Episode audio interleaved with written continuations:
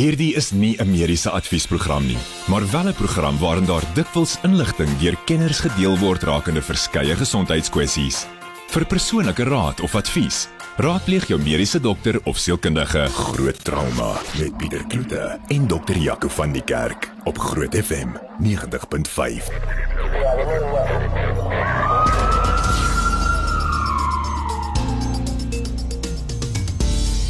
Lekker om die Woensdag gaan saam met jou te kuier en uh, Jaco, welkom en dis lekker om jou hier te hê. Goeienaand Pieter, baie lekker om hier te wees.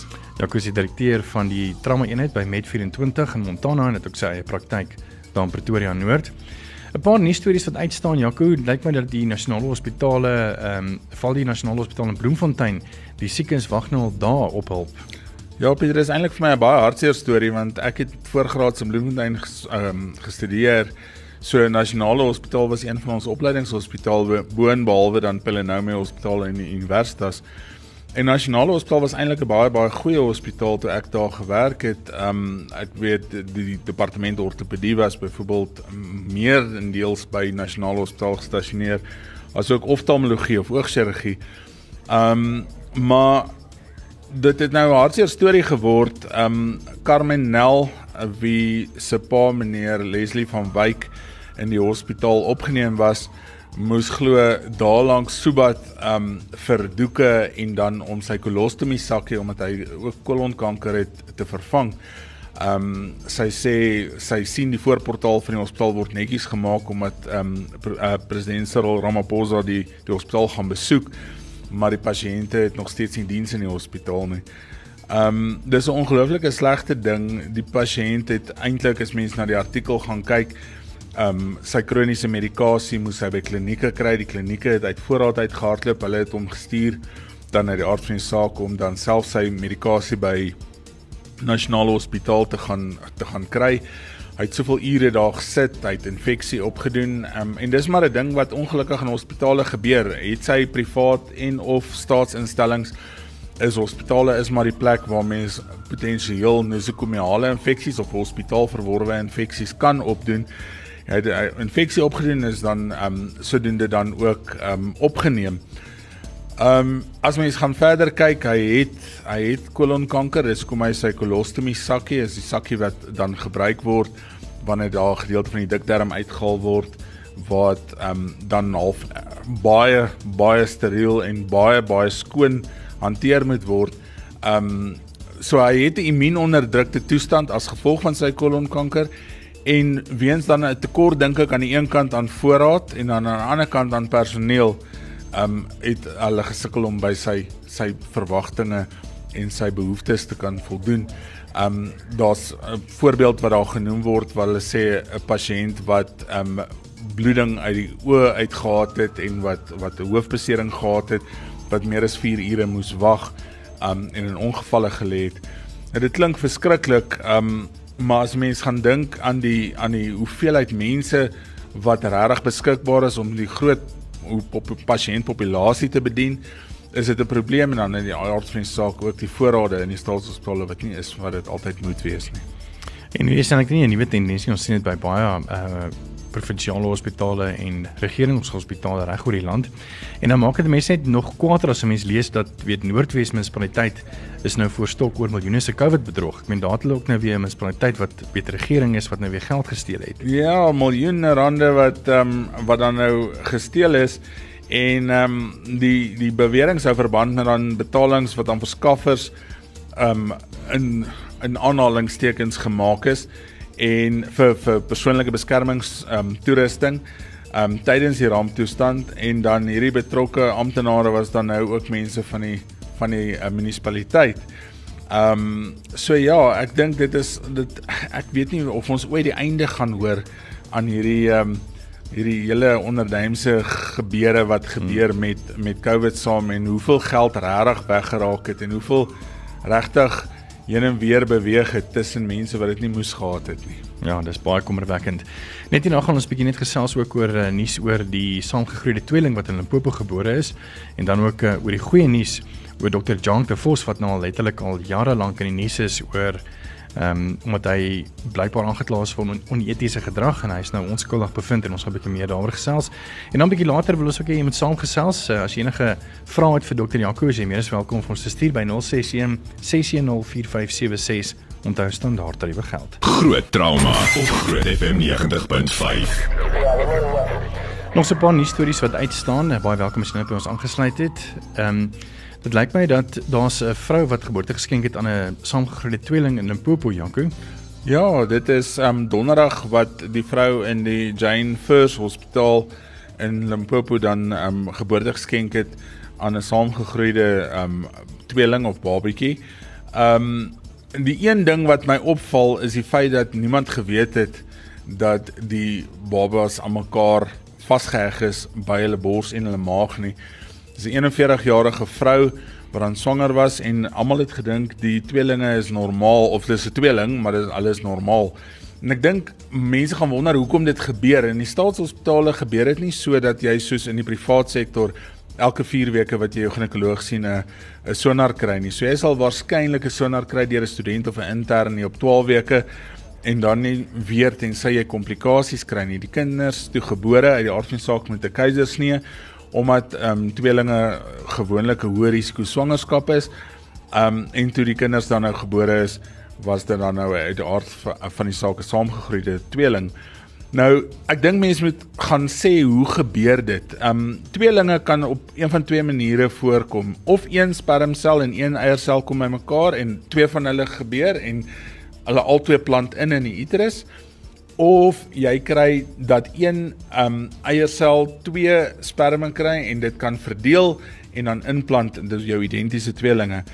Wat gebeur met saamgegroeide tweelinge is wanneer 'n bevrugte eierselle nie volledig skei na bevrugting nie en dan so inplant en dan deel hierdie kinders baie keer ook organe. En dis die groot krisis met saamgegroeide tweelinge. Um waar jy uit die aard van die saak dan nou groot chirurgie nodig het om hierdie kinders te te skei en dit hang af hoe die sukses daarvan hang af van watter organe wel gedeel word. En dan tenslotte net goeie nuus is dat Dr. Jank de Vos wat nou al lank in die nuus was, ek dink vir die afgelope 5 jaar het hy die Raad van Gesondheidsberoepe ehm um, in die hof geveg teen 'n uitspraak omdat hy sy opinie gegee het oor ehm um, abortus met 'n uh, pasiënt en die pasiënt het natuurlik gaan aankla by die Raad van Gesondheidsberoepe en hy was op daai stadium nog nog besig van sy ehm um, van sy dienspligjare by twee militêre hospitale in Kaapstad en uh, dit beteken dat hy nou nog steeds hangende hierdie ondersoek nie kan kan praktiseer nie. Ja. Die die die groot ding is ek ek dink ek is baie trots op hom. Um Jacques de Vos dink ek is een van die mense wat 'n wat 'n stelling gemaak het en daarbey gestaan het vir 5 jaar van sy lewe. Hy was 'n intern gewees in twee militêre hospitaal. Hy's in um 2017 geskort na beweringe dat hy 'n vrou in 2016 probeer oorreed het om nie 'n gesonde 19 weke oue swangerskap te te beëindig nie omdat hy gesê het ook dat hierdie baba of fetus alreeds 'n mens is.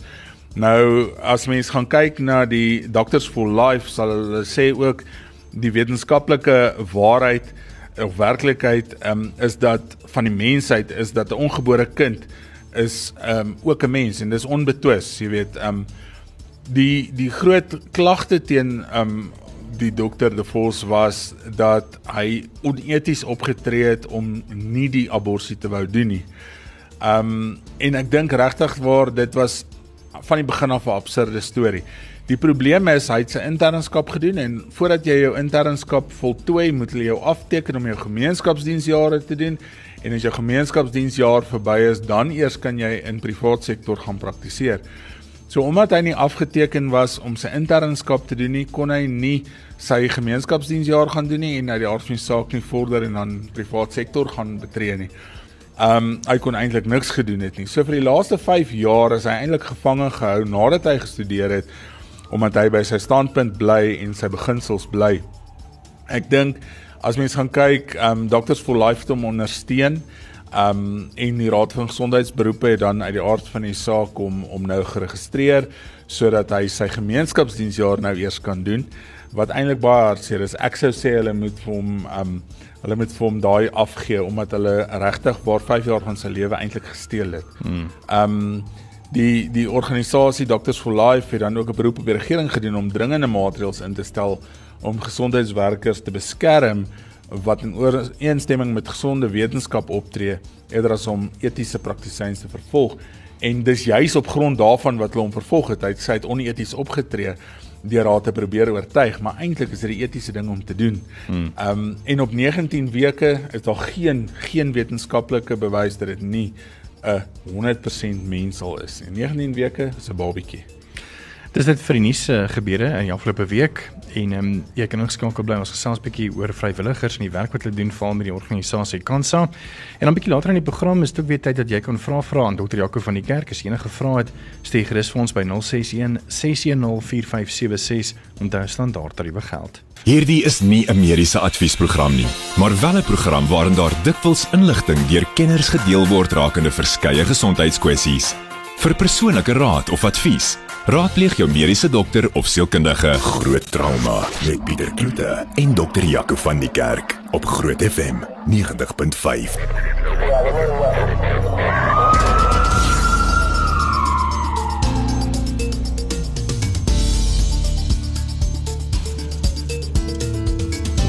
Maar welkom by vanaand se groot trauma. Ek is Pieter Kloete en saam met dokter Jaco van die Kerk en ons het ook vir Elise Fourie. Sy is 'n leier vrywilliger by Kansa en sy is ook op die raad uh, van die Relay for Life, nê, nee, jy gesê, Lilies. Ja. En ons gaan 'n bietjie vanaand gesels oor uh, vrywilligers. Net is nogal iemand, weet nie almal kan vrywilligers word nie, nê. Nee, mens moet 'n paar harte hê vir mense. Of wat dink jy, Elise? Ja, ek dink baie beslis moet 'n mens maar 'n hart hê vir mense en ek dink 'n mens moet ook 'n hart hê vir 'n spesifieke saak. Jy weet so uh, as 'n mens 'n vrywilliger wil wees, kan jy kies waar jy wil gaan en ek dink 'n mens moet jou saak kies. Jy moet besluit waar is jou hart en waar lê jou passie. Ja. So hoe lyk 'n vrywilliger wat vir kansa werk? Is meeste van hulle maar eintlik kom hulle uit die veld waar of 'n familielid of 'n familielid uh gediagnoseer was met kanker en daardeur is dat hulle kan verstaan waaroor dit gaan of het jy ook baie wat netlik nog nie enige persone wat na hulle is wat aan kanker verloor het nie? Dit is maar 'n mengsel van die twee. Baie van die vrywilligers is mense wat of self kanker gehad het of 'n familielid of naasbestaande vriende en baie van hulle is mense wat net voel hierdie is die saak wat hulle graag wil ondersteun.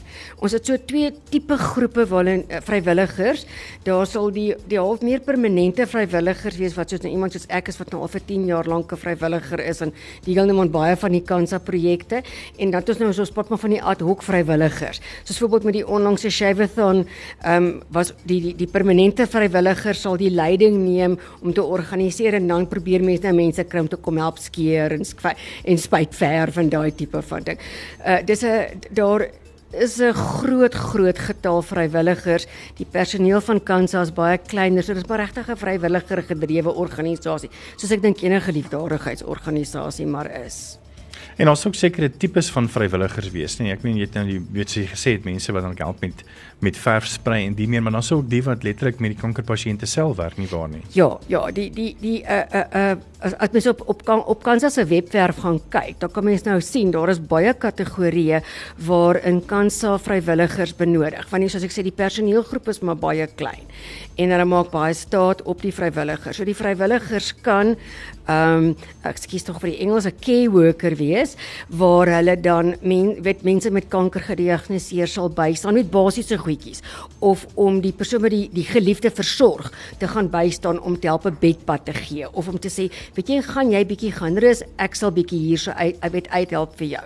Ehm um, dan sal hulle natuurlik ook betrokke raak om weet ander dinge te doen bietjie opvoeding te doen eh, bietjie by die skole uit te kom by instansies maatskappye bietjie opvoeding te doen.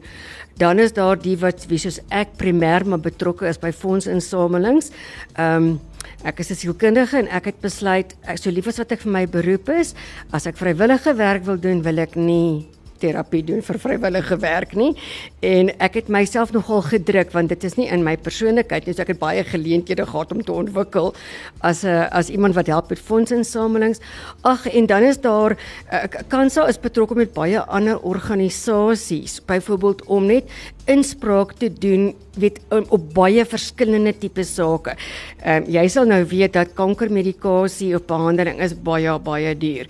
So Kansa saam met party van die ander organisasies is besig byvoorbeeld met 'n veldtog om te kyk of om van die kankermedikasie nie goedkoper maar meer toeganklik kan wees nie. En en so kan ek uitbrei. Daar's partykeer is mense nie kans sien vir een van die ander nie. Partykeer sal iemand dit dit net bietjie kan gaan help met administrasie sal baie verwelkom word. Want die personeel is maar bietjie dun gesaai, jy weet, hulle hmm. moet harde werk doen en 'n uh, eh, Kansa in Pretoria byvoorbeeld het twee ehm um, huise waar 'n pasiënte wat van ver af kom kan bly. Die een is vir die kindertjies Nikus huis en die ander is Tepuana. En byvoorbeeld dan hulle nou 'n 'n personeel het wat nou die mense wat daar is moet help versorg, maar daar's geweldige admin. En ehm um, moet nou ook onthou die arme liefdadigheidsorganisasies moet aan die publiek verantwoordelik vir verantwoording doen vir die geld wat ingesamel word. So daar is geweldige regulasies en admin wat gedoen moet word om seker te maak die geld gaan waar dit moet gaan. So enige veld wat jy aan kan dink, sal daar dankbaarheid wees as daar iemand is wat kan kom help. Ja, kom net terug na jou toe in 'n hospitaalomgewing, jy weet baie keer as mense praat van vrywilliger werk en val as dit kom by mediese werk, is daar nogal baie red tape. Uh want natuurlik weet mense wat nou level 4 of level 3 first aid het baie keer jy weet uh, val die wat nou en ek wil nou nie dit vir vir algemeen nie maar jy weet as hulle nou weet op die pad is of so dan dink hulle mos nou eintlik hulle is 'n dokter jy weet ten spyte daarvan dat hulle net hulle scope of practice kan kan beweeg. Hoe ervaar jy dit uh met vrywillige werk in die mediese veld en veral met julle wat in trauma werk? Ja, op die trek dink dit dis eintlik 'n ongelooflike belangrike aspek daarvan. Um ons medisyne sal die diagnose maak en dan ek haat die woord kanker want die oomblik wat jy die woord kanker vir iemand sê dan hou hulle op luister. So jy moet eers begin met die storie van ver af en eers die ding verduidelik en dan kan jy vir hulle dit sê.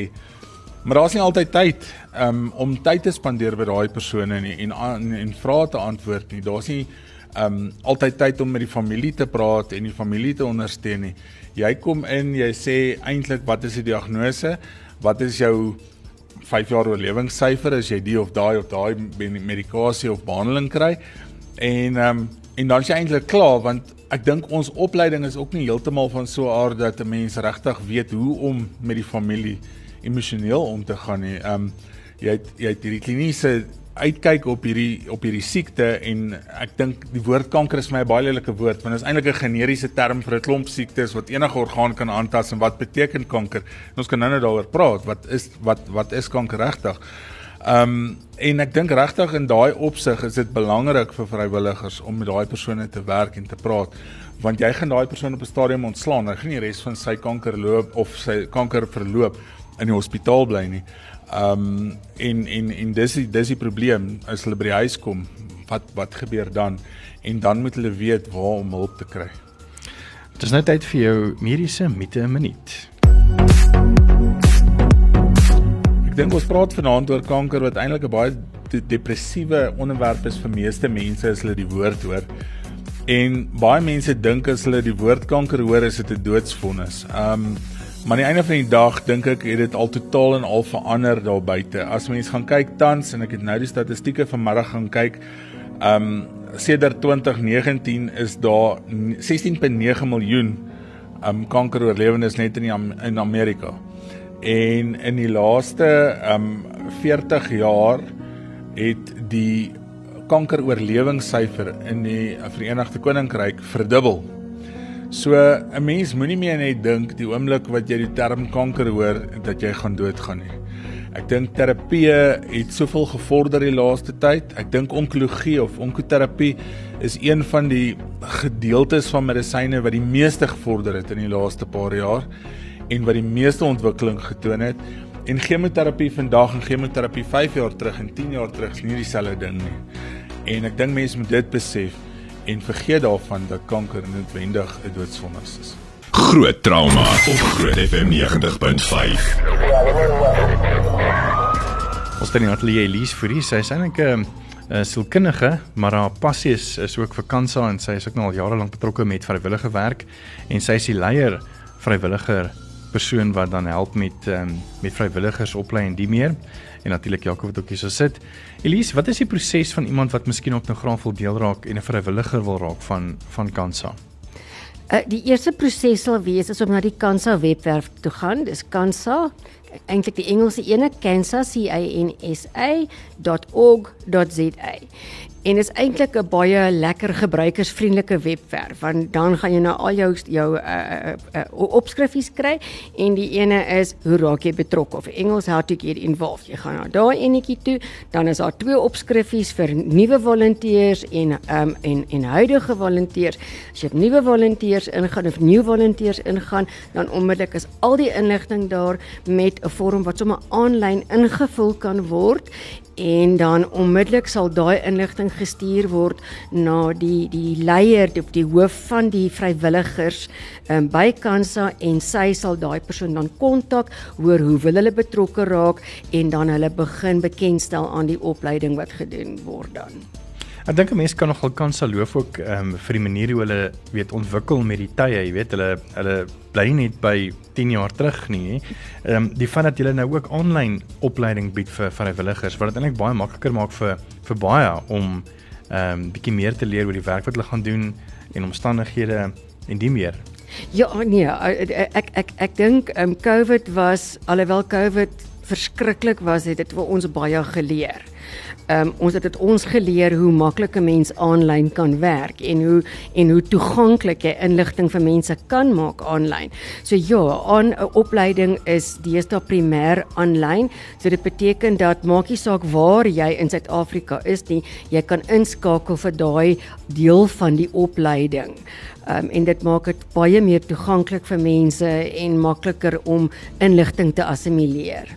Ek sien van die goed wat jy dan leer aanlyn is uh, natuurlik die agtergrond en inligting oor kansa, gesondheidsopleiding, inligting oor die gesonde leefstyl en dan ook oor kanker, jy weet die fases, die tipes, die behandeling en Jaco gaan bietjie later ook vir ons 'n bietjie verduidelik oor uh oor dit en dan hantering van neeweffekte van behandeling, dieet en voedingsbehoeftes van kankerpasiënte en dan ook die emosionele impak van 'n diagnose. En ek dink dit is nogal ook 'n 'n baie groot ding, jy weet, is die emosionele kant van ja, die siekte. Ja. Wat wat met dit hang nou af wat se tipe vrywilliger 'n mens gaan wees gaan bepaal waar jou opleiding sal gaan. So jy so so die vrywilligers sal almal begin by die algemene tipe van inligting. Wat is kanse, hoe werk kanse? Dit is baie belangrik om daai vraag korrek te antwoord. Die publiek het baie keer 'n bietjie van 'n verkeerde indruk oor wat bied kanse eintlik wat word gedoen met die geld wat kanse insamel met fondsinsamelings en dan die basiese dinge rondom gesondheid, die gesondheidwette want daar is tog dinge wat enige vrywilliger moet weet. Ons teken natuurlik 'n kontrak ook. Jy weet daar's 'n kontrak wat ons teken dat ons sal ook ehm um, ag weet waardig wees aan die organisasie, die korrekte inligting probeer gee, nie buite ons scope gaan of daai tipe van ding en dan sal word die inligting dan word die opleiding is dan meer bepaal dan vir vir watter rigting die persoon wil ingaan. So kom ons sê die persoon wil in in in in berading ingaan want kans dat ook 'n tamelike groot telecounselings eh, bediens ook. As hulle in berading in wil gaan, dan word hulle opgelei in basiese berading soos wat Lifeline byvoorbeeld dit sal doen of hulle aan aan die die die die die versorging, die hulp met die versorging van pasiënte. Kyk, hulle word natuurlik beperk want daar seker goed wat hmm. net die verpleegkundiges kan doen. Ja. Maar daar is die dinge wat die care workers kan doen wat hulle kan doen. Dan daai opleiding, die mense wat admin wil doen, jy weet so dan dan word die opleiding word dan opgedeel na die rigting waarna mens wil gaan. So dis 'n baie deeglike opleiding. Ehm um, want as 'n vrywilliger kry jy mens vra en 'n mens moet in staat wees om die vrae te kan beantwoord. Hmm. En ook om in die riglyne van die organisasie te werk met. Baie baie beslis. Ja. En van die werk wat te doen is regtig ongelooflik. Ehm um, daar was 'n artikel gewees oor Jeremy Prins wat gediagnoseer was met prostaatkanker en hy het dit oorwin. En in die artikel, en ek gaan nou sommer aanhaal, het hy die volgende gesê: Ek kan agterkom dat hierdie vrywilligers goed opgelei is. Die kalme manier waarop hy my behandel en bedien het, het my gemoed gekalmeer. Ek kan nie of ek kan sien dat hulle besoek aan my meer as net 'n besoek is, maar dat hulle intens in my welstand belangstel en ook besorgd was oor die impak wat die siekte op my gesinslewe het. En dit is 'n ehm um, 'n aanhaling van Jeremy Prince wat uh, prostaatkanker oorwin het oor die rol wat vrywilligers in sy lewe gespeel het. Ja, ja. Ja, baie vrywilligers doen ongelooflike werk met die ondersteuning van die kankerpasiënt, maar ook die familie van die kankerpasiënt. Hulle doen ongelooflike werk. Ja, kon net om weer stil te staan oor oor kanker het vroeër gesê, weet jy, so bang om maar woordjie te gebruik. Ehm um, vertel ons 'n bietjie meer net weer 'n oorsig oor kanker. Ek dink baie mense uit 'n wanpersepsie van kanker of die woord tumor. Kyk as is mense die woord tumor ergens gebruik en tumor is nie altyd 'n slegte ding nie. Dit kan 'n goeie of 'n goedaardige gewas ook wees. Maar wat is 'n kanker? Ek sê altyd kanker is die ongereguleerde vinnige verdeling van selle en dit kan normale selle wees op 'n abnormale plek. So ons gradeer altyd kankers is of goed gedifferensieerde kankers of swak gedifferensieerde kankers. Jou goed gedifferensieerde kankers lyk amper soos die orgaan of struktuur waarna hy groei. Um maar dit is 'n vinnige seldeling en dit is 'n abnormale tempo van seldeling en is ongereguleerd en omdat selle so vinnig verdeel verander dit baie keer die struktuur van daai sel. En hoe verder dit weg is van hoe dit lyk die normale orgaan waarin dit groei, hoe swakker gedifferensieer is daai kanker. So jou goed gedifferensieerde kankers se behandeling is ook baie keer makliker en hy reageer beter as wat jou swak gedifferensieerde kankers reageer. So eintlik is dit maar baie keer is dit normale selle wat op 'n abnormale plek teen 'n tempo verdeel wat ongereguleerd is en te vinnig is en sodoende verander die selle oor tyd. En ek dink dit is 'n manier om na kanker te kyk. As mens dan gaan kyk na die be benadering in terme van hoe hanteer mens dit, hang dit af van is dit goed of swak gedifferensieer. Hoe groot is hierdie kanker? Het hy al versprei na die limfkliere toe? Het hy versprei in die in die bloedsirkulasie? Het hy perifere ehm um, verspreiding? Met ander woorde, is dit nou al sê maar jy het begin met 'n prostaatkanker, is hy nou in jou rug of waar ook al? Borskanker is dit al in die brein. Ehm um, en dit beïnvloed dan uit die aard van die saak ook jou oorlewing en ons praat ook van 5 jaar oorlewingssyfers afhangend van wat se graad van kanker jy het, afhangend van hoe gedifferensieer jy tumor is en wat se tipe een jy het.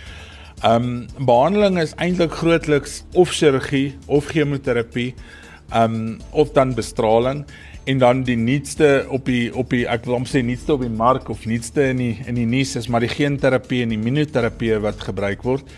Ehm um, en wat eintlik nog in in in ontwikkeling is en ek dink dis die ding wat wat medisyne in die toekoms gaan verander, nie net in opsigte van kanker en ten opsigte van 'n klomp siektes en en toestande daar buite.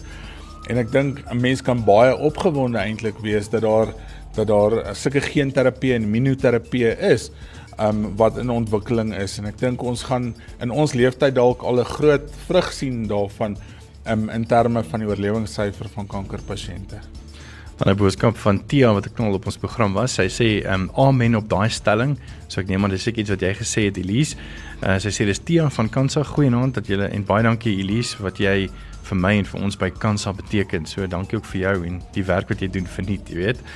Ehm um, net gou vinnig weer as jy graag 'n vrywilliger wil wees, uh, die webblad is cansa, dis c a n s a.org.za.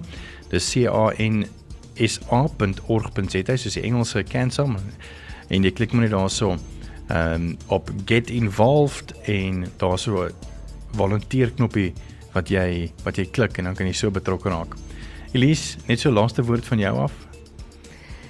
Ek wil graag vir vir mense sê dat een van die mees bevredigendste dinge wat 'n mens kan doen is om 'n vrywilliger te wees. 'n Mens moet mooi besluit waar wil jy 'n vrywilliger wees?